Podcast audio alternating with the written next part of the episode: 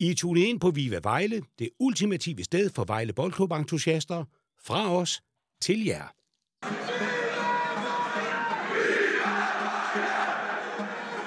Øh, voksede vel også lidt ud af, af Vejle og fik så også muligheden for at komme til OB.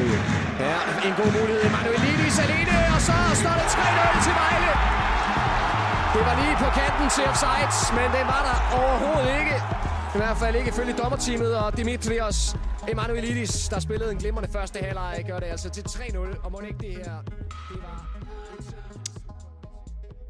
Velkommen til den her special udgave af Viva Vejle. Mit navn det er Christian, og for første gang i Viva Vejles ydmyge og unge historie er vi kun to i studiet i dag. Øhm, det er sådan, at Michel han er på velfortjent ferie, og Martin er desværre blevet syg. Så, øh, men heldigvis så er Henrik tilbage fit for fight. Hej Henrik. Hallo Christian, og mange tak. Jamen øh, Henrik, øh, jubi i landsholdspausen, den er slut. Ja, mand, det skal bare, vi skal bare i gang tilbage til det almindelige bold. Ja, det der nede i San Marino, det gider vi bare slet ikke at snakke om. Kæft, det var lortet bold, mand. Det var bare Det var helt forfærdeligt. øhm, det er jo sådan, at øh, Henrik, du øh, sammen med Martin øh, var til stede øh, i Viva Vejles øh, mm. ånd øh, på stadion øh, for Mhm. lige omkring en uge siden, da der Yes. var et, øh, et arrangement op på Vejle Stadion, øh, som klubben og Vejlams Folkeblad havde inviteret fans til. Mm-hmm. Øhm, en lille seance deroppe. Øh, kan du ikke lige gøre os lidt klogere på, hvad det var for et arrangement, og hvordan du oplevede det? Jo, altså øh, helt, øh, det der var ligesom var blevet pitchet fra Vejle Bold, eller ikke fra Vejle Bold, men Vejle Folkeblad af, det var, at man kunne komme op, og så kunne man møde øh, træneren, Ivan Prelic, og øh, så kunne man også møde sportschefen øh, Nikola Marius. Øh, og det var jo så sådan, at øh, Marius, han var der ikke. Han havde brug for at komme hjem. Han havde fået lov til at holde noget ferie, og øh, det havde øh, Vejle Boldklub i samarbejde med Morten Pell, som jo er deres kommunikationschef, det havde han jo selvfølgelig givet lov til, og det var vi alle sammen egentlig meget forstået over. Vi ville jo egentlig gerne snakke med, med Ivan, men vi var, øh, det kostede en 100 kroner at være med til, hvis man ikke havde abonnement ved Vejlerens Folkeblad, men jeg tænker, at hvis man bare var mødt op, så tror jeg ikke, man var blevet stoppet i døren, fordi der var ikke nogen, der, sådan, der kontrollerede, om man har Okay. købt billet eller ej. Ingen øh, security, øh, ligesom til kampene. Nej, det, det ville være svært. Så var jeg allerede blevet stoppet hele vejen igennem der. Men jeg tror, vi var en små 20 mennesker, øh, der sad og lyttede på det. 20-25 mennesker. Og øh, altså, ja, som du siger, I var 2025, øh, I var oppe i VIP-loungen, og, og, og så ved jeg, at øh, Ivan og Morten Pell, de ligesom startede det her, mm. øh, øh, en lille samtale, altså, øh, hvad, hvad var det, øh, var det lidt omkring, øh, hvem Ivan er, og hvor han står henne i sit liv, og ja, Ja, det, det, det handlede lidt omkring, at altså faktisk var det mig, øh, Anders Møllenberg, der ligesom startede ud og sagde velkommen til, for det var bare Anders Møllenberg, der stod for det. Men ellers Mm. så startede det egentlig med en halv time, hvor at Pelk og Ivan snakkede sammen, hvor at de snakkede om, hvad er egentlig Ivans rolle, og hvordan han har haft det her i den her tid, han har været her. Og vi snakkede lidt også om, at jamen, hvilken type træner han har været, hvorpå at jeg fandt ud af noget, jeg ikke vidste, og øhm, det var jo, at han har jo faktisk været i spil til at være cheftræner for Brentfords andet hold. Øh, vidste du det, Christian? Det gjorde jeg faktisk ikke. Øh, Det synes jeg er ret vildt øh, at tænke på, fordi at jeg ved godt, det er B-hold, men øh, Brentford er altså rimelig, Mhm.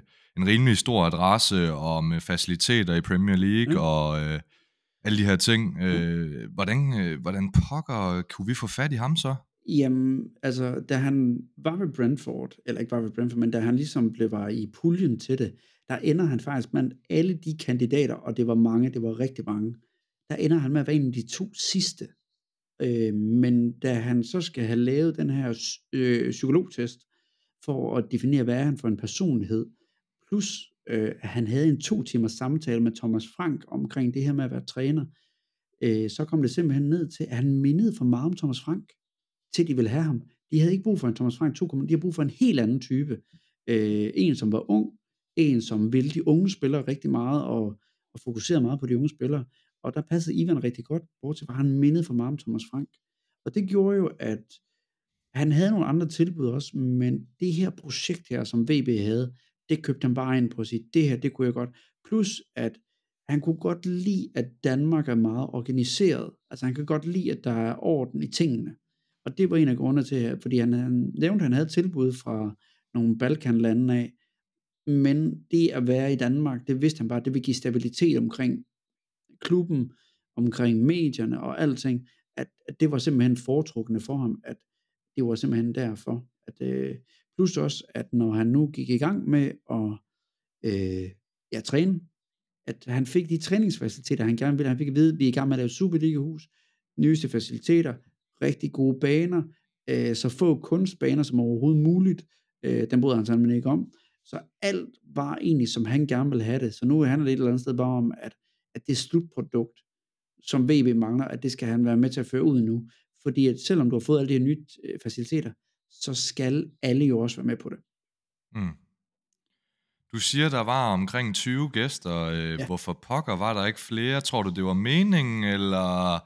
Jeg tænker, vi, vi kan jo se, at der er rigtig mange, der lytter til vores mm. podcast, og der er mange, der har interesse i den her skønne fodboldklub, men øh, var det egentlig fint nok, at der ikke var flere, eller, eller synes du, det, det er fortjent, at der var flere? Jeg synes, det havde fortjent, at der var flere. Men det var fedt, der ikke var flere, for det betød jo bare hokus pokus. Henrik i fokus, han kunne få lov til rigtig at, at, at snakke. øhm, og, og det gjorde jo også, at der kom noget, at der kom også lidt et, et andet pres jo, altså, og, og angående præst der, så hvad hedder det, Pelk, øh, han spurgte faktisk, øh, han sagde faktisk noget spændende til, til Ivan, og det var jo, at Ivan har jo også fulgt med i, hvordan VB var, inden det var, han kom til, og der snakkede han faktisk om, omkring det her med, at hvordan havde du det med, at du kunne se, at Kajt Falk var der i fem kampe, og så blev han fyret i Superligaen, og når du var i Superligaen, og der var gået fem kampe, og vi stadigvæk ikke har vundet, følte du så, at du skulle til at fyres? Og det var faktisk fedt nok, for der var Ivan bare det præst, der, det sagde han nej, det var han, en- det var han egentlig ligeglad med. Han, han var kun fokuseret på, at han skulle have det sjovt, og have det godt, og han synes, det var fedt at træne. Øhm, så jeg synes, det var synd, der ikke var flere mennesker til at, at stille flere spørgsmål. Øh, men det havde også været lidt svært, fordi at det, der var egentlig var så imponerende, det var, når man stillede Ivan et spørgsmål, så brugte han 5-10 minutter på at give dig et svar. Han var så grundig i svarene, det, det, forstår du simpelthen ikke. Jeg skal nok komme ind på nogle eksempler og sådan noget der, Mm. men jeg sad altså, som den spirende journalist, jeg jo nærmest er på det her jo, jeg sad og skrev alt ned. Altså, jeg, jeg, jeg har en, en 8-12 sider med mange noter på kryds og på tværs om, hvad alt hvad Ivan han har sagt, og hvad der blev stillet Ja. af spørgsmål og så videre. Øhm, og det var jo bare fedt også, at man ligesom, altså hvad det er, han lægger fokus på. Altså det der med, at vi har et ungt hold og sådan noget, det er også noget af det, han synes er fedt. Og det er jo det, der er mange, der efterspurgte også. Ja, jamen, hvornår kommer de unge til for Vejle og sådan noget? Vejle gør faktisk rigtig, rigtig meget, og vi har jo rigtig gode eksempler på det også øh, fremadrettet. Og, og, og det gode ved, at der så kun var 20, det er jo, at øh, så kan vi jo fortælle lidt om til alle dem, der ikke var der, fordi jeg synes ikke rigtigt, jeg har set så mange skrive om, hvad, hvad der blev berettet om øh, på det her arrangement, men, øh, men det vil vi forsøge øh, i hvert fald lige at, at Mhm. tage jer godt ind i, fordi at, øh, jeg ved i hvert fald, du har fortalt mig inden øh, afsnittet i dag, vi snakkede lige sammen, Mm. øh, at øh, Ivan har, han havde, no, altså man virkelig lært ham bedre at kende, og vi ser ham jo kun i korte glemt i, øh, i, i- kampene, mm. altså, eller i forhold til mediechancer og sådan noget. Øhm, men øhm, jamen altså, hvad, jeg ved, at du faktisk var, var så heldig at få det første spørgsmål. Øh, hvad, hvad, hvad var det, du stillede ham? Jamen det, som der egentlig var øh, med, med det første spørgsmål, det var fordi, at han blev spurgt, eller han snakkede om, at det er sjældent, at han faktisk egentlig er vred på spillerne. Men den sidste, den sidste kamp, øh, vi havde spillet imod, øh, eller den kamp, vi har spillet mod, hvad hedder det, Randers, der nævner han faktisk, at der var han sur på spillerne. Han var faktisk decideret vred på dem, fordi han kan acceptere, at de ikke spiller godt. Det kan han godt acceptere. Men det, at de ikke engang forsøger, det gjorde jo, at, at, at det, det, det, det vil han simpelthen ikke have, fordi at du må sgu ikke være bange for at komme ud til kampen. Du må sgu ikke øh, øh, stille dig så langt tilbage, at, at det, hvad hedder det, altså som jeg sagde, det, det var simpelthen ikke øh, acceptable. Som jeg sagde til ham, øh, da jeg snakkede med ham bagefter, jeg, Michael Jordan, han har et, øh, et citat engang, hvor han siger, I can accept failure, but I cannot accept not trying. Altså, jeg kan acceptere, fejl, jeg kan acceptere, at vi fejler, men jeg kan ikke acceptere, at vi ikke gør et forsøg. Øhm, Mm. så mit første spørgsmål til ham, det var jo, jamen, hvordan var det at, altså, at få spillerne til ligesom at agere, og hvordan griber du det, og sådan noget der. Og der snakkede han meget omkring det her med, at at vi, vi kan godt spille fodbold på en bestemt måde. Øh, For eksempel mod Hvidovre. Han hader Hvidovre-kampen. Han var Mm. mm. virkelig træt af Hvidovre-kampen. Fordi det kan godt være, at vi vinder, når vi får tre mål. Men den måde, vi vandt den på, det var fordi, at de andre, de bare var det dårligere end os. Så havde det været et bedre hold, havde vi tabt til. Altså, så, så, så var det ikke resulteret i point. Og, og det synes jeg var, var utrolig sigende, at, at man ligesom siger, jamen, den måde, vi spiller på, det er fandme også vigtigt for, hvordan, altså jo, vi vinder tre point, points are the most important thing, men vi skal fandme også have den måde, vi spiller det på. Og det er jo super interessant, fordi der er jo rigtig, rigtig mange, der lige i øjeblikket stiller spørgsmålstegn ved den her tilgang, og vi mm. har jo Mhm. også gjort det her i podcasten, mm. Og øh, altså, men jeg ved, at, at, at Prelitz, han var meget inde på det her med, har du fortalt, øh, det her med, at han føler ikke, at man har spillerne til det, Mm. Altså det her med, at man har nogle tunge spillere i Raul, Kullinger, Velkov mm. og sådan nogle ting. Øh, så, så han bliver nødt til at omstille sig. Øh, jeg ved også, at øh, Prelicis foretrukne formation, det er altså en 4-3-3. Mm. Mm. Øh, og det er ikke den her med, med tre nede i midterforsvaret, mm. men han omstiller sig. Hvordan, øh, hvordan oplevede du ham i, i forhold til det her med, ja, netop det her med spillestilen, og hvad, hvad, hvad vi gør, ser lige nu på banen? Jamen, han er jo ikke, han ved jo godt, at det her, det er måske ikke det mest interessante fodbold, der bliver spillet, men det er det, vi har spillerne til lige nu. Og de spillere, vi har nu, det er hans spillere, og han knuser elsker dem, og han skal få det bedste ud af dem, han har. Øh, om det så er hans yndlingsformation, det er det ikke nødvendigvis. Han siger, at han kan godt lide at spille 4-3-3, fordi at der er noget mere dynamik og sådan noget. Men hvis du ikke har spillerne til at spille 4-3-3, hvad vil du så helst? Vil du prøve at spille et system, som falder igennem, og man taber gang efter gang, eller vil du spille et system, hvor spillerne kan være med, og vi rent faktisk kan skrave nogle point sammen? Og der er han jo sådan lidt, jamen prøv at høre her, vi, skal, vi spiller for at vinde kamp, og vi, spil, vi bliver nødt til at spille på den her måde her, fordi at det er det, der sikrer os point lige nu. Øhm, man kan så sige i samme vending, at han, han tænker meget på at sige, jamen okay, fordi jeg ved godt, der er rigtig mange, der siger, ah, hvorfor er vi så pissen defensive, og hvorfor starter vi ud med at være så defensive, og det virker jo som om, når vi først kommer bagud, så begynder vi at spille rigtig bold. Mm. Det har simpelthen noget at gøre med, at man bliver nødt til at måle kampene til at starte med. Vi har ikke de hurtigste, jo, op foran har vi de hurtigste spillere, men hvis du skal lave hurtigt spil, så bliver du også nødt til at have en hurtig midtbane. Du er faktisk også lidt nødt til at have et hurtigt forsvarskæde, som kan rykke sig. Fordi hvis du stormer fremad, så bliver du også nødt til at storme tilbage, hvis du mister bolden. Så den defensive stil kommer simpelthen, som han sagde i, at vi skal have en struktur, og strukturen starter med defensiven. Så kan det godt være, at det ikke går stærkt, men vi har strukturen, og det er også det, som, jeg er ikke fan af det, men jeg kan godt forstå at hvis du bliver nødt til at spille med de spillere, du har. Du kan ikke, altså, det var det, der gik galt for Karin Falk jo. Han prøvede jo at slavepisse spillerne til at spille et system, som der ingen der kunne følge med på. Mm. Og altså, nu når du har fået lidt mere kendskab til Ivan, og han har forklaret meget sådan dybdegående om øh, spillestilen og det her, har du så ændret opfattelse i forhold til, jamen har du sådan, eller i hvert fald en bedre forståelse for, hvorfor Vejle gør, eller i hvert fald hvordan Vejle spiller lige nu, og hvor vi står henne lige nu i sæsonen?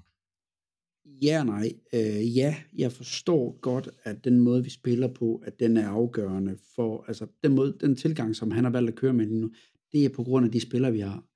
Mm. Øh, en af de tilgange, han rigtig gerne vil bruge, det er, at han vil gerne bruge mange unge spillere, og han vil Ja. gerne sikre sig, at de unge spillere får pladsen til at komme op og, og præstere. Og hele det der ungdomsarbejde, det er så vildt, hvordan han, altså han tager det med ind. Man kan sige, jamen, han har da kun førsteholdet. Ja, men når der kommer en ung spiller ind, hvordan sikrer vi os, at de altså, klarer overgangen fra ungdom til senior? Så man siger, altså, de skal gives de bedste muligheder for at klare sig godt. Øhm, og altså man siger, altså de, de bedste eksempler er jo sådan en som øh, Tobias Lauritsen, som jo ud af det blå nærmest bare kommer ind, og så er han lige pludselig bare udfordrer. Men hvor øh, Prelis han sagde, jamen, han blev bare, han blev skolet rigtig godt, og han greb chancen, da det var. Og selvom han fik et rødt kort i hans første kamp, så var det vigtigt for Prellis, da han får det røde kort, at man ligesom siger, prøv at høre her du, det er sådan noget, der sker. don't worry, du mister ikke din plads. Fortsæt med at træne derude. Du skal nok få, få pladsen igen, hvis det er. Det er jo en kæmpe ting at sige til en ungdomsspiller jo. I stedet for at tænke, og han fik et rødt kort, han skal nok aldrig på banen igen, fordi så får han det bare op igen.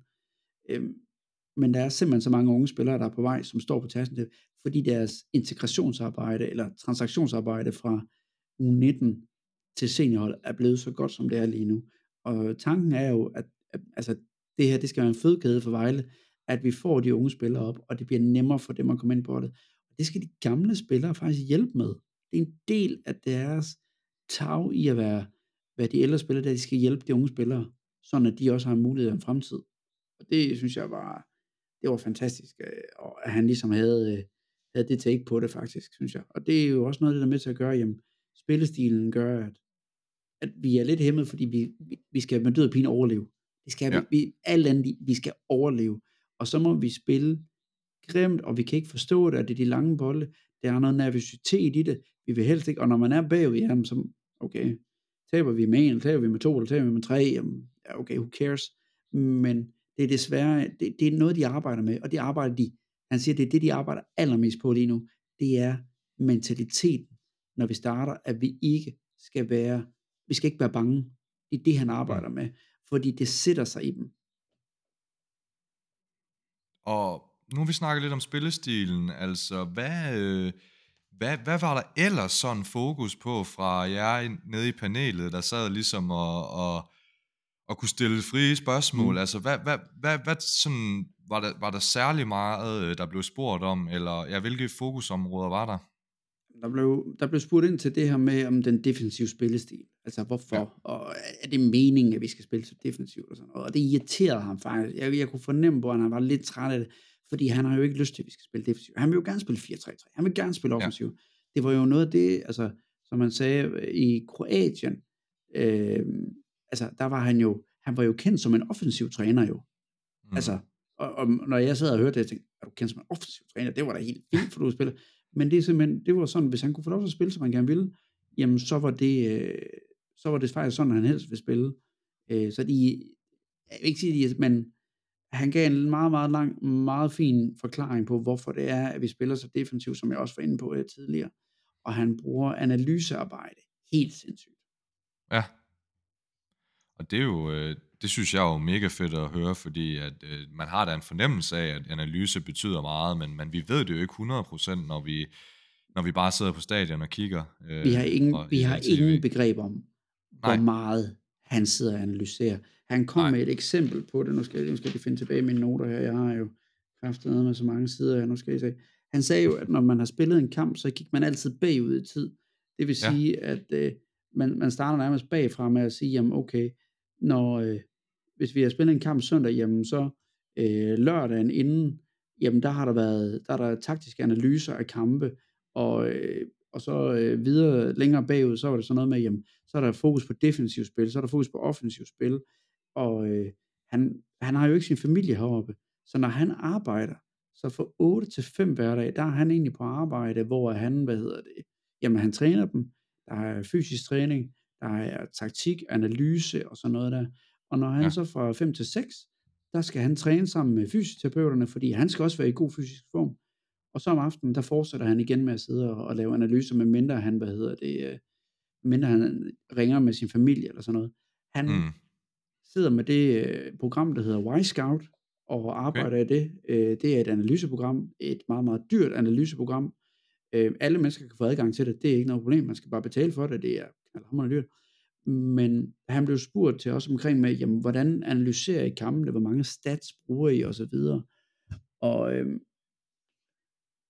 hvad han ikke vidste om videre, hvad de havde af chancer, hvor mange åbne chancer de havde, hvor mange chancer havde de haft igennem hele sæsonen, hvor, hvad var deres XG, hvad var deres øh, hvad hedder det, passing game, altså hvad han vidste.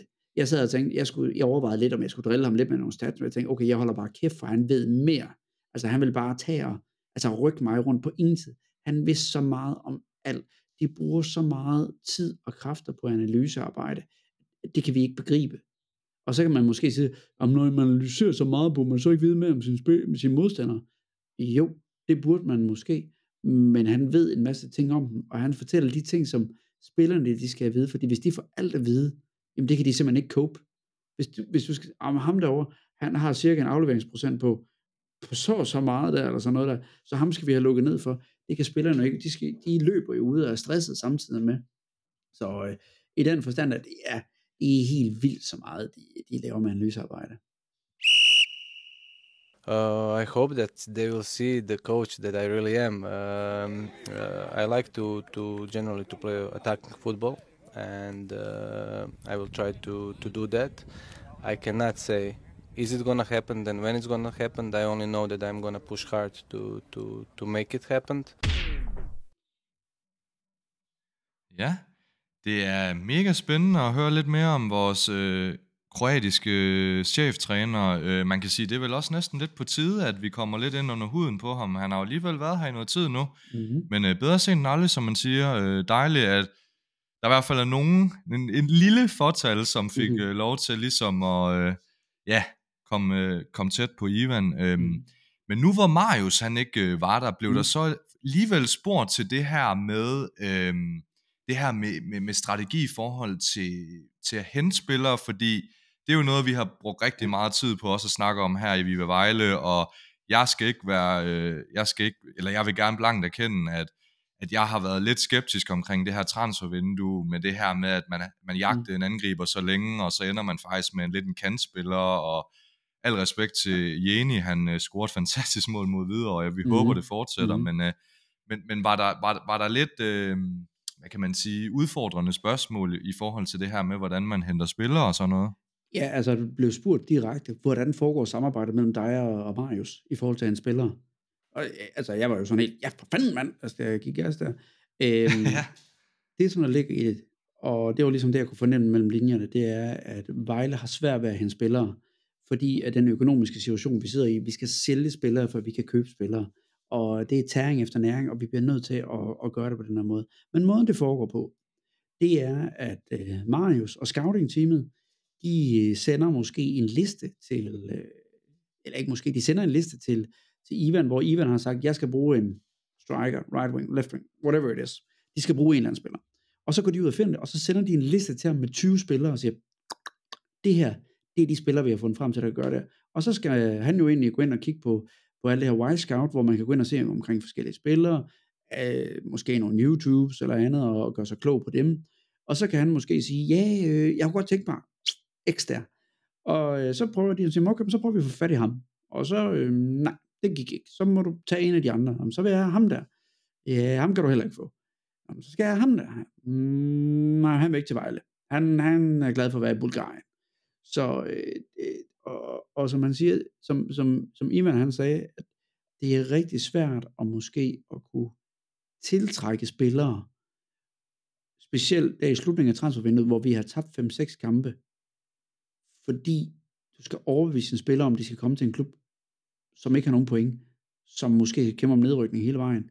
Det er jo altså, hvis der er nogle spillere, der har lidt høje ego om sig selv, altså, jamen, prøv at overbevise Zlatan om, at han skal komme til en, en, en nedre klub i en dansk liga, og siger han på, nej, jeg er så god, at jeg skal kun spille i toppen af England. Hvad fanden snakker I om? Og sådan er det jo altså nogle spillere, øh, der er. Øh, så og, men, men altså det her med, at man vælger at sige, jamen vi skal, vi skal have, jeg kan huske, at Mario siger i, i transfervinduet, jamen vi venter, fordi vi skal have noget ind til mm. startopstillingen. Mm. Øh, kun noget, der kan gå ind og forstærke mm. os. Men som du så siger nu, jamen det kan så også gøre, at når man venter, jamen så står man med 0 point. Det var det, alle var meget sådan skeptiske ja. omkring. Men, men, men hvad, hvad, altså, hvad, hvad tænker du ellers om det, det der blev, blev svaret i forhold til det, og Altså, er det forståeligt nok, at, øh, at Vejle er, hvor de er, øh, eller, eller burde vi kunne gøre ligesom Lyngby og, og tiltrække nogle, nogle med lidt større CV, end vi har gjort? Jamen, vi har jo faktisk tidligere i, altså i vores sæsoner, har vi jo tiltrukket kæmpe store spillere. Uh, Juven Shevchenko uh, hentede vi jo, har spillet i Bayern Leverkusen og spillet Champions League. Kæmpe spiller i min optik jo. Ja, helt uh, Vi har jo også, uh, Peter Utakær har vi jo også haft, han har jo også været en stor spiller godt nok lige i efteråret og sådan noget der. Vi, vi skal lige huske på, at Said Asatolai har vi. Altså, ja. iransk landsholdsspiller med 64 landskampe, 27 år gammel. Øh, mm. Øh, vi har øh, Barry, spiller på landsholdet. Vi har faktisk øh, haft held til at hente nogle store spillere. Vi har bare ikke gjort det i det her transfervindue, fordi at vi har været rigtig, rigtig presset på mange punkter. Øh, det, det sjove var faktisk lidt, at øh, nu, nu håber jeg ikke, Morten Pelgan bliver sur på mig, øh, men der blev, Ivan var faktisk ved at fortælle, hvor mange penge Provskov han var ved at blive solgt for. Okay. Men han, han, han spørger simpelthen, må jeg fortælle, hvor meget vi blev tilbudt for ham? Og Pelk var så det, no, no, no, no, no, no, no. og så siger han så, må jeg fortælle, hvilken klub? Og øh, der var sådan, nope. Og det, jeg tror, det er ikke godt nok, at Pelkan er der til at lige holde styr på, på det der, fordi det, der var jo fuldstændig, som altså et, et Michel-udtryk, der var jo fuldstændig bonanza i den, hvis ja. det var, altså når det kommer ud jo. Det vil være fedt for os, men det vil jo udstille rigtig mange situationer øh, omkring en spiller og en klub, fordi vi kan jo kun lave gissninger om, hvad koster en spiller. Øh, nogen sagde, at øh, Provsgaard, han var ment til at blive solgt for 25 millioner til AGF. Det ved vi ikke en rygende hatfis om. Det kan da godt være, det er rigtigt. Det kan også godt være, det er overhovedet ikke rigtigt. Det kan være, at de har sendt tre pakker pebernødder, og så har det ved det. Men vi ved det simpelthen ikke. Øhm, så i den forstand, transferstrategien der, den, øh, altså, jeg tror, at de, rigtig, de er på udkig efter noget, men de bliver nødt til at sikre sig, at de får noget value for money. Og, og man kan sige, jamen, var Jenny, var han, øh, er han value for money? Jamen, han har scoret et relativt godt mål nu. Man kan begynde at se, at han er en erfaren rev, mm. der kan nogle tricks, og det er jo det, som de er ude efter. Det, de har jo ikke brug for en eller anden young gun, som, der, øh, som skal fodre. Altså, jeg tror ikke, Ekitike, han ville kunne have klaret det så godt nu. Nej. Når vi har været så presset, er, som vi har været. Det er jo netop det her med, at vi, vi, vi skal have nogen, der kan, der kan bære det her hold, og som kan komme ind fra rimelig hurtigt, og ikke bruge mm. de der fire måneder, som Tønder eller siger, det tager. Ja. Fordi det gør det jo. Altså, det skal man også huske med i ligningen. Men øh, meget interessant, altså, blev der ellers snakket i forhold til den her lidt, øh, fordi det, det virker jo godt nok til at være, øh, man har jo været sådan lidt, er det det, eller men det virker jo til, at økonomien er stram. Altså, blev der, mm. blev der talt lidt mere om det, altså hvor man står hen der, eller er det mere Henrik Tønder, der... Det er jo klart, det er ikke lige Ivans spor, men alligevel. Nej, jeg tror, Pell kan udtrykke, udtrykke det bedst, da, vi, da han fortalte omkring, at vi havde jo det her arrangement nede i Musikteateret, som mange deltog ved. Og det sagde han, det kunne han godt tænke sig, vi gjorde igen, men det kræver lige, at Henrik Tønder han åbnede for pengepunkt, men han sidder lidt stramt på den på tiden, siger han så. Øh, og det, jeg tror, det siger det hele, at når, når man har et arrangement, hvor du kan få udsolgt til 1200 mennesker, jo, det er jo gratis for os, øh, sæsonkortholdere, det er jo sådan noget, men det er jo stadig arrangement, der skal, og det kan kun gavne klubben rent PR-mæssigt. Men selv hvis, der er, hvis det er stramt at få sådan noget betalt, så ved man altså også, at, at altså, der, der er tæring efter næring. Ja, for pokker da. Det er jo selvfølgelig en, det må vi jo erkende er lidt mm. bekymrende, fordi økonomi er jo en kæmpe faktor i, i fodbold i forhold også til at, at overleve og, og de her ting. Men øh, vi må alligevel håbe, at, øh, at man finder en vej alligevel, øh, og det er jo den her kontinuitetsvej. Øh, hvad, hvad, hvad tog du ellers med i forhold til, til Ivan? Altså, hvad, hvad, hvilke ting øh, blev du klogere på i forhold til ham som menneske, og og i forhold til, hvordan han er som træner over for sine spillere, og ja, altså fordi vi har jo haft mange forskellige trænere, og, mm-hmm. og det, har, det hørte vi jo virkelig øh, godt, eller godt øh, hvad hedder det, fortalt via øh, Lars Arne, ja. øh, som jo kunne fortælle, øh, at vi både har haft øh, nogen, altså Galcia, der, der mere var manageren, der mm-hmm. ligesom ikke rigtig tog sig af træningen. Vi har jo også haft Peter Sørensen, vi har haft øh, Somani, der skreg helt vildt, og det gjorde, kan jeg også huske Ove Christensen, han gjorde. Altså, mm. der var det nogle gange, man kunne høre i tv, øh, at han råbte. Øh, altså, blev du klogere på, hvordan øh, Ivan er som, som type, øh, ja, kan man kalde det trænertype? Ja, øh, han er en moderne, meget, meget empatisk træner. Og, og nu kommer jeg måske til at rykke lidt på, på nogle folks tanker omkring, hvordan en træner skal være. Men Prelic ved alt om sine spillere. Han, han ved, hvad deres kærester, koner, børn hedder. Han ved jo sågar, hvad nogle af deres hunde hedder. Fordi hans mentalitet, det er, hvis du ikke performer til træningerne, eller han kan fornemme dig et eller andet med en spiller, jamen så skal vi finde ud af, hvad det er. Fordi at hvis du ikke er glad, når du spiller, så, øh, så kan du ikke performe.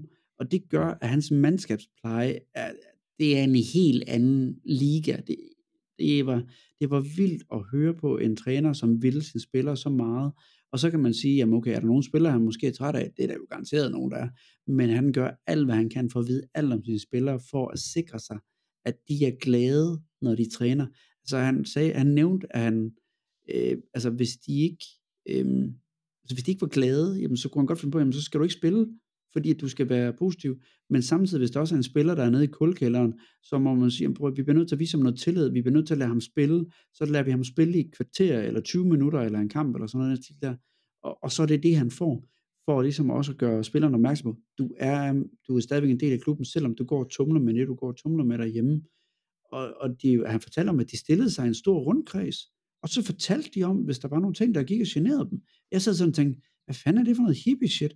Men det er jo hans mentale tankegang om, at hvis spillerne har det godt, så performer de bedre. Der er sgu egentlig ikke ret meget raketvidenskab. Altså, prøv at, hvis, hvis, min, hvis min datter, hun ikke har sovet en hel nat, og jeg møder op på arbejde, og jeg er lidt klatret der, så kommer min kollega sgu også til mig og siger, hvad er der galt, Henrik? Og så tøver jeg jo ikke, man siger, jeg har ikke sovet en nat, min datter, hun har været træls, og ah, okay, du må lige prøve at se, er der noget, vi kan gøre for, for at gøre det bedre? Det, det gør de faktisk også lyder til. Og det er jo det, der er sjovt at tænke på. En mand fra Kroatien af, som altså, har en helt anden mentalitet, at det er sådan, han gør det. Det er jo... Jeg skulle, netop, jeg skulle netop til at sige, altså det er da lidt over, altså jeg ved ikke, om man kan sige, man har jo sådan i hvert fald sådan meget som fodboldfan, at øh, vi sætter jo lidt øh, nationaliteterne i mm. kasser og kultur og sådan noget, og det er måske ikke lige det, man tænker, når man tænker Balkan, men, men, men okay, han er ung, og han er også moderne, mm. og der er altså også sket meget på de her kanter ja. i de her år, tænker jeg. Øh, så det der det synes jeg, der er lidt fedt at høre det her med, at øh, den der sådan personlige mm. karakter, den virkelig, øh, den virkelig skærer igennem hos Ivan Prelic. Og man kan jo bare sige på, at hvis man, hvis man ønsker at vide lidt mere omkring, hvordan det er, han er, så prøv at lytte til, til Thomas Frank, fordi at de to, de har næsten ens personlighedstest. Øh, test, øh, mm. Og øh, jeg har siddet og kigget på et par interviews med Thomas Frank også, omkring det her med spillere og pleje og sådan noget her. Det er også sådan helt med det der med at give tillid til spillere, også da Christian Eriksen kommer til Brentford, jamen, du har med en spiller at gøre, som har fået indopereret en, en og det er ikke en pacemaker, det er og en ICD, eller hvad det er nu. Ja, det er det der, og ja. skal have tid til at prøve at finde sig selv som det her tidligere. Altså han var jo, han var jo sådan en, en, en top 20, top 30 midtbanespiller i verden jo, Christian Eriksen, som lige pludselig faldt og havde hjerteproblemer, og nu skulle han lige pludselig til at genrejses det kræver altså noget af en træner at sige, prøv at, du kommer sgu til os, vi bygger det op, don't worry, vi skal nok få dig på benene igen. Jeg tror ikke, jeg siger, at Prelitz, han kunne gøre det samme med Christian Eriksen, men det viser jo lidt af den mentalitet, som der også er i det. Han er jo han er utrolig inspireret, i spillestil er han utrolig inspireret af Guardiola. Han nævner okay. Manchester City rigtig, rigtig mange gange, den måde, som, øh, altså den her dynamik, de spiller med Manchester City. Jeg er ikke, jeg er ikke City-fan overhovedet, jeg er Spurs-fan. Okay. Men jeg, hvis man ikke imellem er imponeret over den måde, som City de kan finde på at spille på, når det går rigtig stærkt, jamen så, så, så, så er man jo helt tabt. Og man kan jo sige, altså, hvis man skal, man skal kigge lidt på Vejle lige nu, så, så læg mærke til det her med, at de også altså, spiller kort ud hver gang mm. øh, fra målspark, ikke? Så det kan godt være, at øh, vi har en lidt destruktiv, øh, i hvert fald det er fornemmelsen for rigtig mange, at, at det er mm. meget destruktivt, og og meget øh, ja, øh, langsomligt og mm. tilbage og, og, og side, side tværafleveringer. Mm. Men, men øh, vi prøver faktisk at spille os ud, øh, mm. så, så det er måske øh, lidt, lidt værd at tage med i, i den her ligning. Øh, men altså, hvad med i forhold til, altså, blev der snakket noget i forhold til, hvordan han sådan har det i Vejle, og hvordan han hvordan han, hvad han synes om omgivelserne, faciliteterne, hvordan dagligdagen er her. Han synes, det er super fedt at være Han, han som jeg nævnte tidligere, han, foretruk, han har foretrukket Danmark frem for mange andre lande, fordi at han mm. synes, det er ordentligt at være Han synes, at Vejle er et dejligt sted at være, han synes, at klubben er et godt sted at være, og faciliteterne er sådan, som han rigtig, altså som han vil have det. Så i den forstand, der er han helt tryg i de faciliteter, han har. Øhm, så der er ingenting der der, øh, der må man sige, altså, der er andre ting, hvor han tænker, ah, det vil han gerne forbedre. Vil ejeren af en gul stationcar med registreringsnummer 8700 sørge for at få den fjernet omgående? Den blokerer for underholdende fodbold.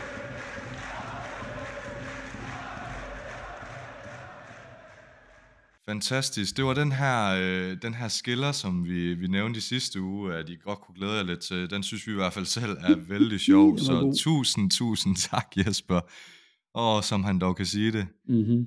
Um, jeg bliver lige nødt til at spørge, Henrik. Ja. Øh, nu har det jo været landskampspause, mm-hmm. og du var her ikke i sidste uge, og mm-hmm. vi slår videre, og mm-hmm.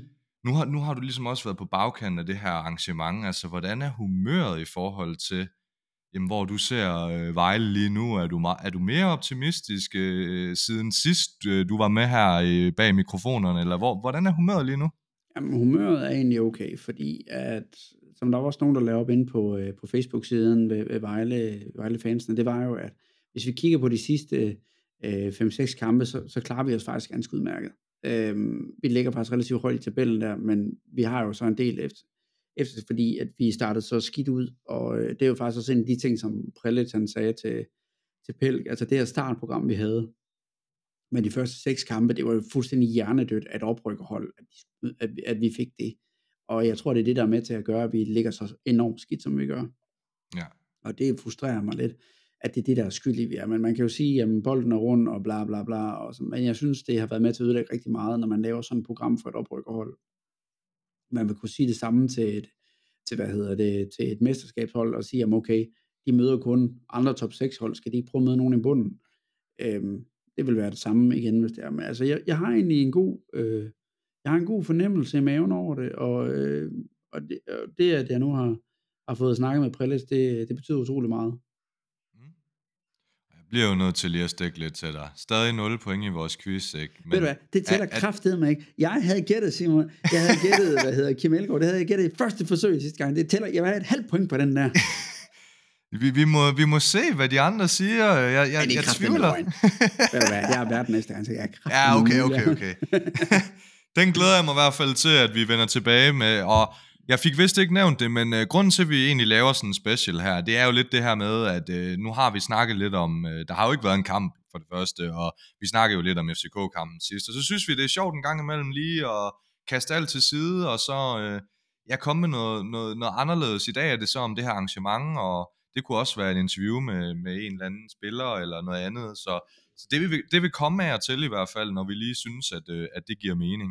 Mm. Øhm, hvis vi lige skal få afrundet den, det her arrangement op på Vejle mm-hmm. Stadion. Øhm, sådan de, de brede linjer, altså hvad, hvad tager du med dig fra? Hvad var positivt? Var der også noget negativt i forhold til Prelitz, eller noget, som du tænkte, der var han lidt tøvende, eller ja, altså sådan, ja, hvad var positivt, hvad var negativt, og samlet sådan konkluderende om det her arrangement?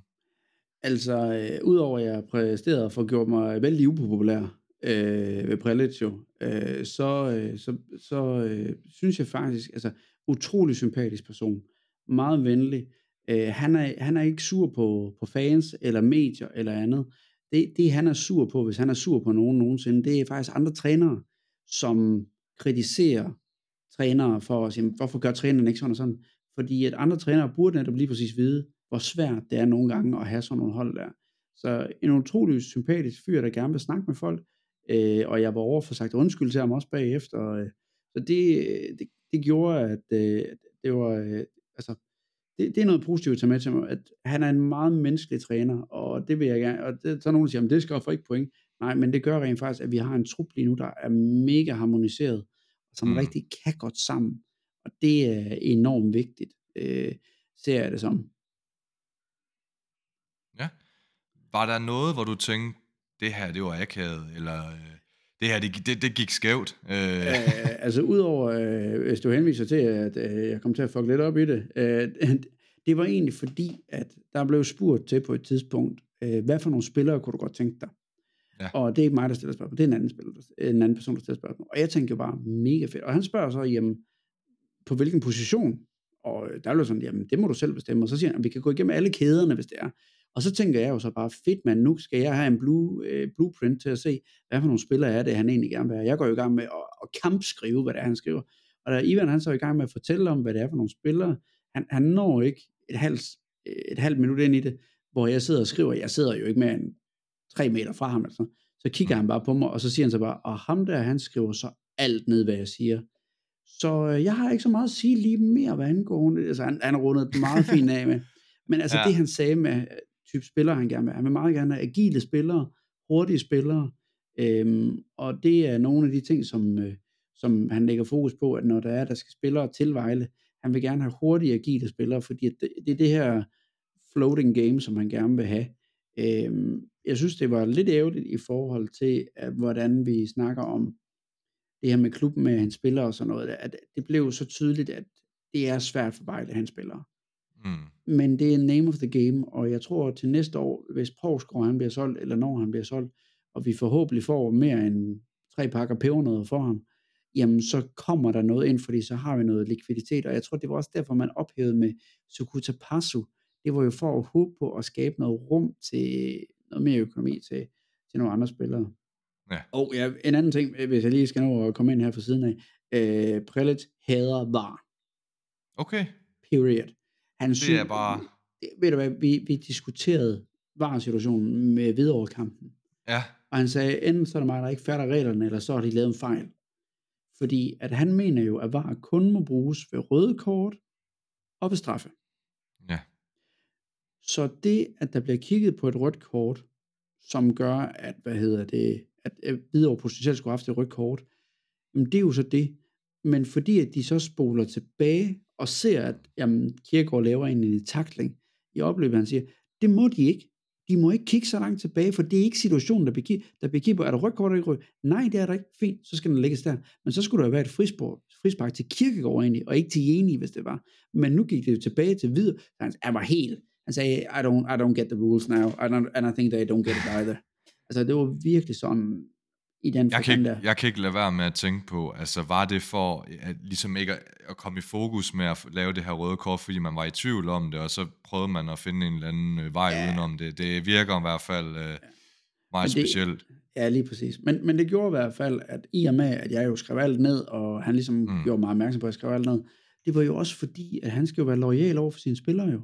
Hvis. Ja. han begynder at sige, jamen på forsvarssiden, der vil jeg gerne have en spiller, der kan det og det, så kan det være, at Velkov, Provsgaard, øh, Asic eller Albentosa tænker, jamen hov, det skulle da min plads. Betyder det, at jeg skal skiftes? Mm. Så han er så kamplojal over for sine spillere. Altså han har ryggen, og han, han vil til hver en tid altid prioritere dem højest. Så jeg gik over til ham bagefter og sagde undskyld for, at jeg sad og skrev, og han var så, altså han gav mig næsten en halv krammer jo, han lagde armen om og sagde, det skal jeg ikke tænke på, og sådan noget. Men han, som han forklarede, jeg bliver bare nødt til at være, jeg bliver nødt til at være lojal. Og, og det siger så meget. Og så havde jeg en, en, en 10 minutter snak med, med ham, hvor at, øh, der stod en anden øh, fan også og lyttede med, hvor vi snakker omkring det her med, jamen, hvilke type spillere er det, vi har, og, og hvad er fremtiden, og sådan noget der. Og, det, Mm. og, og, og fremtiden, den er jo, at vi skal frem, fordi han nævner også på et tidspunkt, at den måde, vi spiller fodbold på nu, det er ikke den måde, han gerne vil spille på. Hvor jeg så spørger ham på, jamen, hvordan vil du gerne spille? Og, og han siger faktisk noget lidt sjovt, og jeg, er des, jeg tror desværre, jeg er den eneste i- rummet, der griner af det, men han siger, hvis du gerne vil have Gud til at grine, skal du bare fortælle om din plan. Og, og det, var, det var hans måde at sige på, at jamen, jeg kan sagtens sige, at øh, det er sådan, at jeg gerne vil gøre det. Ja. Men det kan godt være, at det overhovedet bliver sådan der. Og det er det der med, at man, man skal passe på med, hvor meget man afslører, fordi det kan være, at det bider tilbage så kraftigt i røven senere hen på sæsonen. Og han er altså professionel nok til at vide, jamen, this is the game. Super interessant, og jeg er da i hvert fald blevet en del klogere. Altså, så, så, så det overordnede indtryk, Henrik, det er, at det var et mega godt arrangement, eller? Mega fedt. Ja, Det, det, Så- det, kunne, det kunne eksekveres bedre, det vil jeg våge påstå. Ja. Øh, hvis Møllenberg eller Jesper Banke lytter med her, øh, tag lige fat i mig næste gang. Jeg har garanteret nogle studerende med noget speciale i event management, der godt øh, kan stable noget mega fedt på benene, øh, hvis det skal være, I skal prøve at lave sådan noget her igen. For jeg synes, det er synd, der ikke var flere. Det fortjener ja. at have flere mennesker med. Øhm, og, øh, og det kan Vejle Boldklub sagtens Ja, det rumme, kan jo. vi kraftedeme. Altså, hvis vi kan samle 1200 mennesker i musikteateret, altså en onsdag aften, Ja. så kan vi sammen også stable mere end 20. Men jeg tror, det var fordi, der ikke blev reklameret så meget for det fra bare side af. Det var tror, svært det at finde, rundt, at finde ja. ud af, at det var der. Så, så det skal sgu lige, øh, det, det skal sgu markedsføres bedre, fordi det, og det fortjener klubben også noget mere eksponering. Plus også, at de bruger jo to timer eller tre timer på, ligesom at tilfredsstille os øh, fans. Ja, så skal de også have lidt, øh, lidt kærlighed igen, synes jeg. Det er lidt som om, at, at det her med sådan den der kom- kommunikative opgave, som, som en, klub, en Superliga-klub som Vejle Boldklub har, den man, man forsøger, men, men det er ikke altid, det, det går lige heldigt. Altså, øh, det er mega positivt, at man, man inviterer til sådan noget her, og åbner mm. op for træner, og det skulle også have været sportschef, ikke? Men, mm. men, men kan du sætte nogle ord på, hvad du tænker lige nu om, om, om og ikke fordi vi skal sådan være totale dommer over, hvordan, øh, hvordan øh, Vejle gør det øh, i forhold til kommunikation, men, men er du sådan tilfreds med, med, med, med den måde, øh, vi fans bliver taget i hånden, og også andre aktører? Øh, det er sådan et tvækket svær. Øh, nej til at starte med, fordi jeg synes ikke, at klubben kommunikerer særlig meget. Jeg synes, vi har en, klubben har en VB-app, som der kommer nogle forskellige artikler op på. Jeg synes, det er super fedt. Øh, de hiver nogle gamle ting. Jeg synes, den kunne blive brugt meget mere aktivt. Altså, få mm. forkælet, forkælet også fans meget mere. Få, give, øh, give nogle af spillerne rettigheder til at, at, at lave nogle, nogle sjove videoer, eller et eller andet, hvor man ligesom kommer lidt tættere på dem og sådan noget der. I, i den forstand, det, det er meget professionelt og meget lukket af med at sige, jamen, vi gør det og det og det, og vi gør det og det og det, men så gør vi heller ikke mere end det. Og den, den, den kommunikationsstrategi har jeg lidt svært ved at se, men igen, det er jo den måde, som de gør det på, det er den måde, de får det til at fungere på. Så på positiv siden, jamen, der kommer ikke noget snavs ud. Mm. Altså, der, der er ikke noget der. Så på den måde, der holder de både, de holder medierne i en strakt arm, og de holder fansene i en strakt arm. Så en gang imellem, så åbner de lige en lille smule.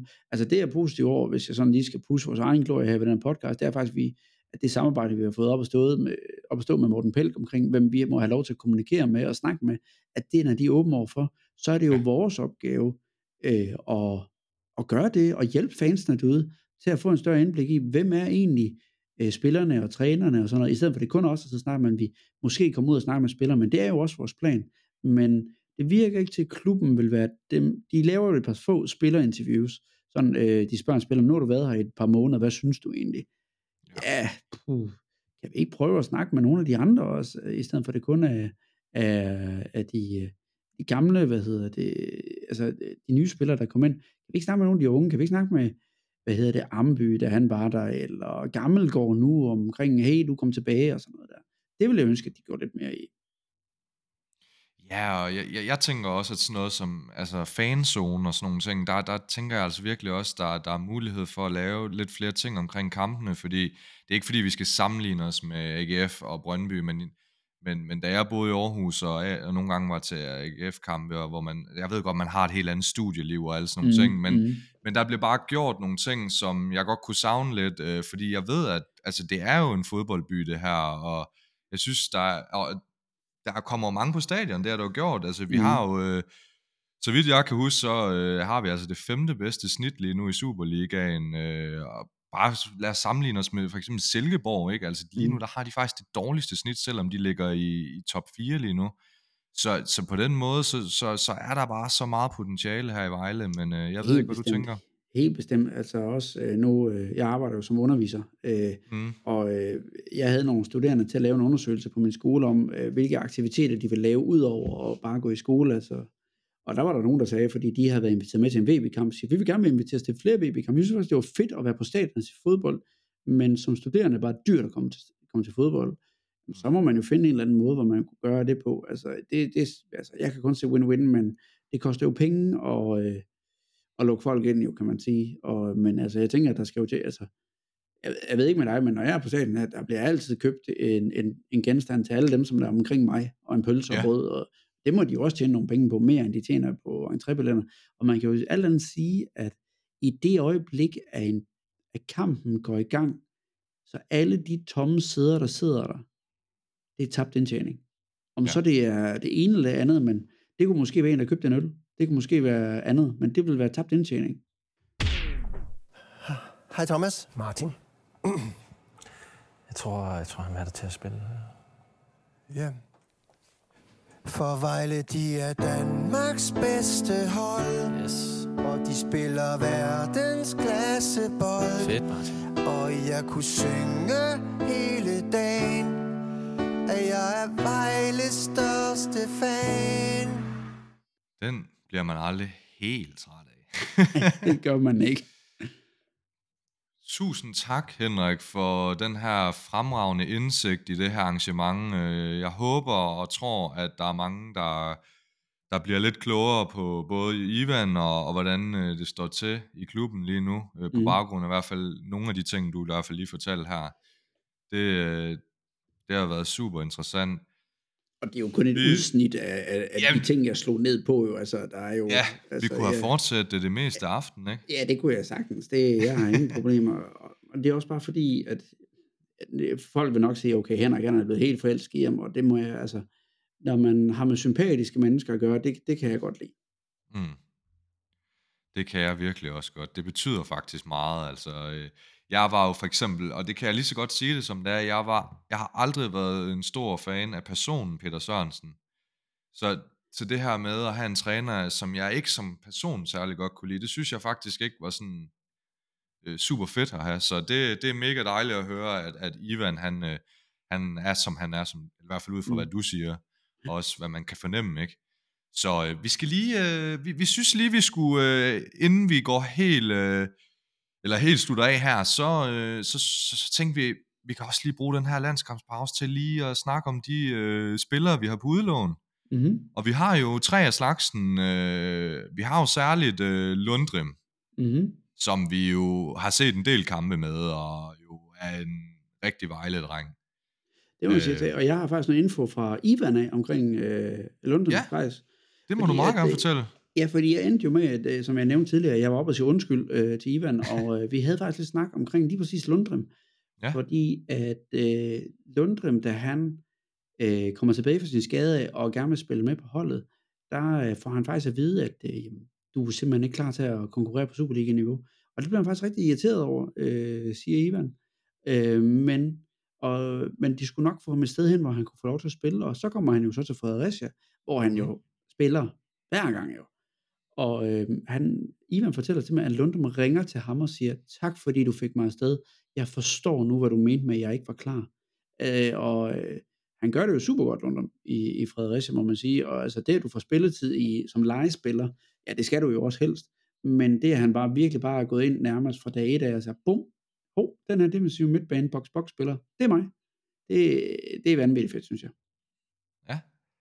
Og det er nemlig rigtigt, som du siger, Lundrim, han, øh, han, han kom øh, i sin første kamp, øh, efter han kom til klubben, der kom han ind og fik en halv time, men ellers så har han faktisk fået over en time i alle kampene. Han er blevet taget ud i en del kampe, han starter inden mm. på et hold, der faktisk øh, har gjort det super godt. Øh, Fredericia, der er jo øh, godt nok, øh, kunne jeg se, at øh, de havde et rigtig ærgerligt nederlag her mod Sønderjyske i en topkamp. Sønderjyske, mm. der ligger nummer to efter OB øh, hvor de faktisk er foran indtil omkring et kvarter før tid, og så får de udlignet øh, Sønderjyske, og så får de faktisk også scoret til sidst til 2-1. Så den gør selvfølgelig rigtig ondt i forhold til oprykningschancer, og det er jo tit det, vi ser med Fredericia. Mm. De får tit en god start, og, så går de lidt kolde, men øh, det, er det, jo, det er jo virkelig det her hold, der er indbegrebet af første division. De rykker aldrig ned, men de rykker heller ikke op. Mm. Så, men jeg synes, øh, jeg synes, det er fedt, at øh, Lundrim han er kommet på udlån, fordi øh, der er jo også, også en del midtbanespillere lige nu på Vejles hold. Ja, det, han, bliver lidt, øh, han bliver lidt kval i det der, men det virkede også, og grunden til, at man forlænger med, og det, Ivan han sagde også, at planen er, at han skal tilbage igen. Ja. Han skal bare lige op i gear. Og grunden til, at han jo ikke har fået fuld spilletid i starten, det var, han, vi skal lige huske på, at han har været ude i, hvor, hvor mange måneder var det? Jamen, var det, altså var det... Næsten et år jo. Ja, det var 8, 10, 10 12. Ja, ja. Jamen, jeg kan ikke engang huske præcis, hvad det var, men det var ja. der op mod et år, ikke? Og, og der er intet, der erstatter kamptræning, så han Nej. bliver lige nødt til at komme lige så stille i gang, ja. Ja, og der synes jeg, det er rigtig godt set med Fredericia. Mm. Øhm, det passer godt til den måde, han spiller på. Ja, øh, og man kan sige, at Said tror jeg ikke er der øh, næste år. Øh, det har jeg også Så der, kom, der, så der kommer, der kommer mulighed, der, der bliver muligheder. Jeg er jo heller ikke øh, ung længere, og, altså, så Ja, det vil, det bliver... Michel vil jo våge påstå, at han altid kan spille. det er simpelthen så sjovt, når vi har de her diskussioner omkring den kære altså Busuladic. Øh, jeg ved sgu ikke, hvad jeg skal sige. Jeg synes godt nok, at han er lidt tung, men, øh, men, men han, noget kan han jo alligevel. De siger jo, de siger, at han er en, en super fed fyr, når, men, men jeg, må, jeg må også erkende, altså, nogle gange, når han rammer det niveau, han kan ramme, så er han han er dygtig nok. Jamen, det er han. Det er han helt sikkert. Har det, er mig, det er mig, der er meget moderat der. ja, godt. Så Lundrim, øh, vi, nærmest, altså, vi kan nærmest sige med sikkerhed, han har en fremtid i VB, eller hvad? Ja, det er i hvert fald det, som klubben giver udtryk for, det er, at Lundem, ham skal der være plads til i fremtiden. Altså han skal ind og have, jeg ved ikke, om det er en bærende rolle, men han er i hvert fald VB-spiller, også i fremtiden. Det kunne jo være mega fedt, hvis man både fik ham og ligesom Bisse, mm. som de bærende spillere på, altså som for egne ta- talentrækker, ikke også? Altså det, det er jo det, man drømmer lidt om. Ja, altså man kan sige, jeg er jo altid, jeg er fan af Esetulai, fordi han er en relativt stor spiller, der vinder mange hovedstødstueller. Det tror jeg desværre ikke Lundrim og, Nej. og Bisse, de gør. Det har du ret i, og derfor skal vi jo også have de typer. Øh, men hvis vi så skal snakke lidt om Amby og Bredal, der, der, der, der, der ser det knap så godt ud. Øh, det, det tør jeg vist godt at sige, fordi øh, de spiller for det første i anden division, så vi mm-hmm. er altså lige øh, noget længere nede i niveau, øh, især med tanke på, at Fredericia jo er en topklub. Ja. Øh, hvis vi først tager Amby, øh, så, øh, så, så har det ikke været meget, han har fået spilletid. Han har faktisk kun fået fem kampe for Fremad Amager, øh, som jo vist også øh, er i kæmpe problemer, og jo har vores kære Karit Fald som træner mm. igen nu. Det var jo ham, som vi... Det, det, øh, det var ham, vi hentede i Lyngby selvfølgelig, men, øh, men han er altså træner nede i, i, i Fremad Amager nu, mm. og øh, de, de har det altså svært dernede i anden division. Så det, og det er jo ikke fordi, vi har set ham meget, så, så, så kunne, kan, er, er det forkert at sige, at, at, at det måske, altså jeg ved godt, han er, han, er, han er virkelig ung, han er kun 18 år, han er altså årgang 2004, Mm. men, men, men er det ikke lidt svært at se, øh, at han skulle, når han har svært ved at, at få spilletid i Fremad Amager, og skulle have en fremtid i Vejle, eller hvad tænker du? Øh, Amby vil jeg helst ikke udtale mig så meget om, fordi jeg så meget kender jeg heller ikke til ham. Jeg synes, Nej. altså jeg, jeg tror det bedste indtryk, jeg fik af ham, der, vil, der er han spiller mod øh, Odense UKS, øh, i, Ja. altså UKS i Odense. Og øh, en, en energisk spiller, der løber rundt, det er ligesom Hølsberg, der også bare øh, altså, kunne løbe solen sort jo. Øh, jeg, kan ikke gøre mig mere klog. Øh, Han har, jeg tror, han har nogle færdigheder, som der er brug for. Jeg ved bare ikke, hvilke nogen det er. Og jeg har svært ved at se det, når han har været på banen, udover at han løber rigtig, rigtig meget. Ja. Ja. Øh, det gjorde Lundrim også, men Lundrim har en pasningsfod og et overblikspil, som jeg ikke har set ved Amby endnu i hvert fald. Og det er klart, altså vi skal heller ikke bare sidde og, og sige, gør den, e, den ene konklusion efter den anden, så, så vi må se i forhold til ham, altså det, det er stadig early days. Mm. Når, det, når, det, når, når vi så skal snakke om den sidste spiller, Andreas Bre- øh, Bredal, så, så har vi jo heller ikke set meget til ham. Øh, han er kommet ind nogle gange, og altså, vi, da, jeg, jeg kan huske, der var mange, der sådan, jamen det her, det bliver spændende. Øh, Mm. Han var, han bombede øh, tilbage i Nordsjælland-tiden, øh, hvor han var U-spiller, og jeg kan også huske, han var med i en af VB Fan Københavns podcast og sådan nogle ting. Øh, men øh, det ligner godt nok, han har glasben. Altså, han har fået to kampe indtil videre for, for Nykøbing nede i anden division. Det, det ser ikke godt ud. Nej, det og øh, jeg ved ikke, om det, øh, det kan være en af de der fejltransfer, man har lavet. Mm. Og, og, det, jeg, vi havde jo på et tidspunkt, havde vi Andreas Mos, som ja. Ja. jo havde scoret, som også var U19 topscorer for FCK, venstre kant. Han klarede den heller ikke i Vejle. Vi havde Jonas Forborg for mange, mange, mange år siden, en, en meget, meget teknisk talentfuld spiller, øh, men som faldt igennem også, da han røg op på, på seniorbold i første division. Ja. Så med, med Bredal, vi, vi, jeg synes, det vigtigste af alt, det er, at han, må bare, han skal helst ikke være skadet. For hans egen skyld, øh, og jeg er ligeglad med, om han er en god spiller eller dårlig spiller, det er synd for en spiller som ham, hvis han har en skadehistorik nu, der hedder, at han kun får under 100 kampe i hele hans karriere. Mm. Og jeg, jeg, jeg bliver lige nødt til at rette mig selv, fordi at det var faktisk to pokalkampe, han har fået for dem, og så har han spillet seks kampe i anden division. Men, men alligevel, det er ikke... Har han det er ikke øh, har han scoret? Har han scoret? Øh, nej, ikke endnu. Har han lagt op til noget? Kan du se det? Øh, ingen assist heller. Bup, bup. Øh, så, så der har ikke været i hvert fald øh, målgivende ting i, endnu i hvert fald. Øh, men jeg, må sige, øh, jeg, jeg, jeg har svært ved at se det. Ja, det kan jeg godt forstå. Øh, og det, og det, det vilde det er, han er altså også en årgang 2003, så det, det er altså også en ung spiller, vi har med at gøre her. Mhm. Øh, 20 år, så... man skal aldrig sige aldrig, men, men jeg føler lidt, det er lidt ligesom, da vi havde en Adam Jakobsen, eller noget i den dur der. Jeg ved godt, det var ikke ja. skader, men, men nu gør han, han gør det vist fint nok i Fredericia, men, men Det gør det men super er- godt i Fredericia. Han har fået, han har fået noget tillid der, så det er det, der gør. Det kan Ja. være, at han laver en kirkegård. Det er jo det, altså det, det, det og det er det, det, det, det, der er så charmerende med fodbold. Vi kan komme til at se rigtig, rigtig dumme ud, hvis vi øh, gør os alt for kloge her, men, øh, men, men det er i hvert fald, øh, vi, vi må sige, at øh, Lundrim, det ser rigtig godt ud. Øh, Ja. Du har endda ordene for Prelitz, det synes jeg er ret fedt. Øh, og så de to andre, det, det, det, det er sådan, den ene af, tør vi simpelthen ikke sige noget om endnu, øh, og den Mm. anden tror jeg i hvert fald ikke på, øh, har en fremtid i Vejle, men... Øh, men hvis, jeg tænker, øh, det, det, det bliver spændende at se. Øh, som aller, aller sidste i dag, så synes jeg altså også lige, vi bliver nødt til at snakke lidt om Abner Mukolli. Mm-hmm. Han har jo den her øh, helt fantastiske øh, status i Vejle, synes jeg, og altså, det er jo en af vores egne drenge. Vi havde jo brødrene, øh, Argon og Abner, og det, det endte desværre ikke så godt for Argon øh, i, i forhold til Vejle. Der, det, det var kørt skævt til sidst med Somani, men, men Abner skal jeg ellers love for, øh, jo havde en fantastisk karriere, og ja, godt nok øh, var der måske lidt for langt mellem snapsene i Superligaen, men øh, når han virkelig klikkede, og selvfølgelig det her sønderjyske mål, især det her Playstation-mål, det vil vi nok Mhm. aldrig glemme, og også i første division, der, der havde han simpelthen bare et niveau, der var helt fantastisk. Nu er han så røget til Jødeborg, og øh, jeg skal ellers love for, at han har fået sig en start deroppe. Seks mål i, øh, Ja, det kan I man ikke tage øh, i Allsvenskeren.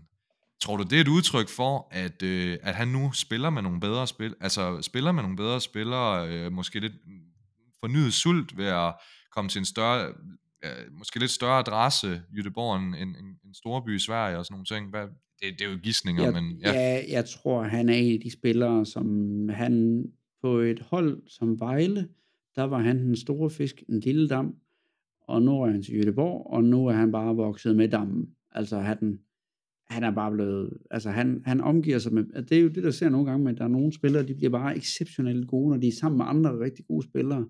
Det er sådan, jeg har det med Christian Eriksen. Øhm, han skal ikke nødvendigvis være den største, der er på banen, det er ikke den største profil, men han sørger for, at hvis der er andre gode spillere omkring ham, så bliver han bare bedre. Det samme er det med Abner. Han, han bliver også kun bedre af, at der er bedre spillere omkring ham, for det skubber hans niveau. Og det er skubber det eksponentielt. eksponentielt. Men, altså, jeg synes bare, det er fedt. Altså, jeg ved, der er nogen, der har øh, prøvet at kloge sig i, at vi skulle have beholdt ham, og vi, vi smed ham ud, og øh, vi, vi, vi, respek- eller vi gav et dårligt øh, tilbud, eller hvad ved jeg. Øh, jeg, jeg synes sgu, altså et eller andet sted, det, det, det fortjener han det her, og Ja. han skal ikke være her for evigt, altså han har virkelig taget, eller han har været i klubben meget længere, end man kunne have regnet med. Ja, helt. En spiller, han skal lige bare have i længere tid, end jeg havde regnet med. Hvor jeg havde, det, det var den samme stanke dengang, da Kielstrup, han røg afsted til Horsens. Mm. Folk var jo også, ej, Horsens, ah, men samtidig var folk, der prøver, at han fortjener at spille Superliga-fodbold. Det er jo det. Men, men, men selvfølgelig det eneste, der er så ærgerligt, det er, at vi ikke har fået mønt for ham. Altså, det, Ja. det er jo det, der gør helt vildt ondt. Sådan er Det det. må ikke ske igen. Nej, helst ikke. Og det er jo heller ikke en strategi fra klubbens side af, by the way. Det skal vi lige huske på. Det er ikke en strategi, det er bare bad fucking luck. Han er bedre slået ind. Øh, det er godt, der udligner! Og det er Raul Albentosa, der scorer sit første mål for Vejle Boldklub 1 efter mindre end 10 minutter. Sikke en start. Og øh, Jesper Simo her, der kommenterede den kamp, han fik i hvert fald udtalt Albentosa lidt bedre end, øh, jeg tror det var Discoveries øh, Nils Harald, der prøvede en Bakoto her, øh, da han scorede mod Hvidovre. Det var i hvert fald helt skidt. Den havde vi med i sidste uge. Ja, det, det kunne jeg høre, og øh, Jesper Meigaard, han har rettet mig i, hvordan jeg siger det, for jeg ser det forkert åbenbart. Øh, så øh, det, jeg skal lige have ham igen til at fortælle mig, hvordan det er, jeg skal lægge tryk fordelingen i, i det der efternavn der, fordi det er vist noget, øh, det er en Bakuto. Ikke en Bakuto, men en Okay. Bakuto. Okay, så ja, okay, der kan man bare se. Øh, Det tror jeg, nok, kan, er. Jeg beklager meget alle, hvis det er, jeg, jeg, jeg prøver at se, om jeg kan snakke med Jenny på et tidspunkt om det. Altså, jeg kan huske den første kamp, han har på stadion, hvor, hvor øh, Jesper prøver at råbe navnet op, som han gør med alle andre spillere, og der var bare... øh, det gik helt galt altså, på stadion, fordi folk havde så svært ved det. Mm. Øh, men der er jo også bare mange svære navne, Emanuelidis, Esatolahi, og jeg ved ikke hvad, så mm. vi, prøv, vi, vi prøvede hårdt på den kant. Nå, Henrik, det har været hyggeligt. Helt vi, øh, vi, vi, øh, vi bliver også nødt til at, at kalde det en aften. Øh, vi skal også videre i teksten, men øh, det her, øh, endnu en gang tusind tak, fordi du øh, kunne fortælle lidt mere om det her arrangement. Og øh, ja, i næste uge, der er vi tilbage i vante omgivelser. Vi, øh, vi satser på at have både Michelle og, og Martin med, og så skal vi jo snakke lidt om en FCK-kamp. Det bliver jo lidt spændende, hvordan det kommer til at gå over i parken. Oh yes, oh yes. Men øh, som altid, så øh, vil vi da lige opfordre jer til, alle øh, jer kære lyttere, øh, og endnu en gang mega mange tak, fordi I bliver ved og ved og ved. Vi, vi, er, vi, kan, vi, vi kan simpelthen ikke få armene ned over det her. Vi er så glade og det hele. Men, øh, men kom med feedback. Øh, vi har, vi, vi, jævnligt kommer der en kommentar eller to, og vi er rigtig glade for at høre det. Øh, det kan være alt. Vi, vi, vi tager imod alt. Og også i forhold til idéer. Altså, øh, når der er sådan nogle tidspunkter som landskampspauser, eller hvad det nu er, hvor øh, der ikke lige er kampe at snakke om og sådan noget, så er det altså ret fedt lige at, at høre lidt om, jamen, eller få et besøg på, hvad, hvad er det, der lige rø- øh, rører hos jer. Det vil vi rigtig, vi vil bare rigtig gerne snakke om det, som I derude synes kunne være interessant. Så øh, med det vil vi øh, sige tak for denne gang, og øh, på VB gensyn næste uge. Viva Vejle!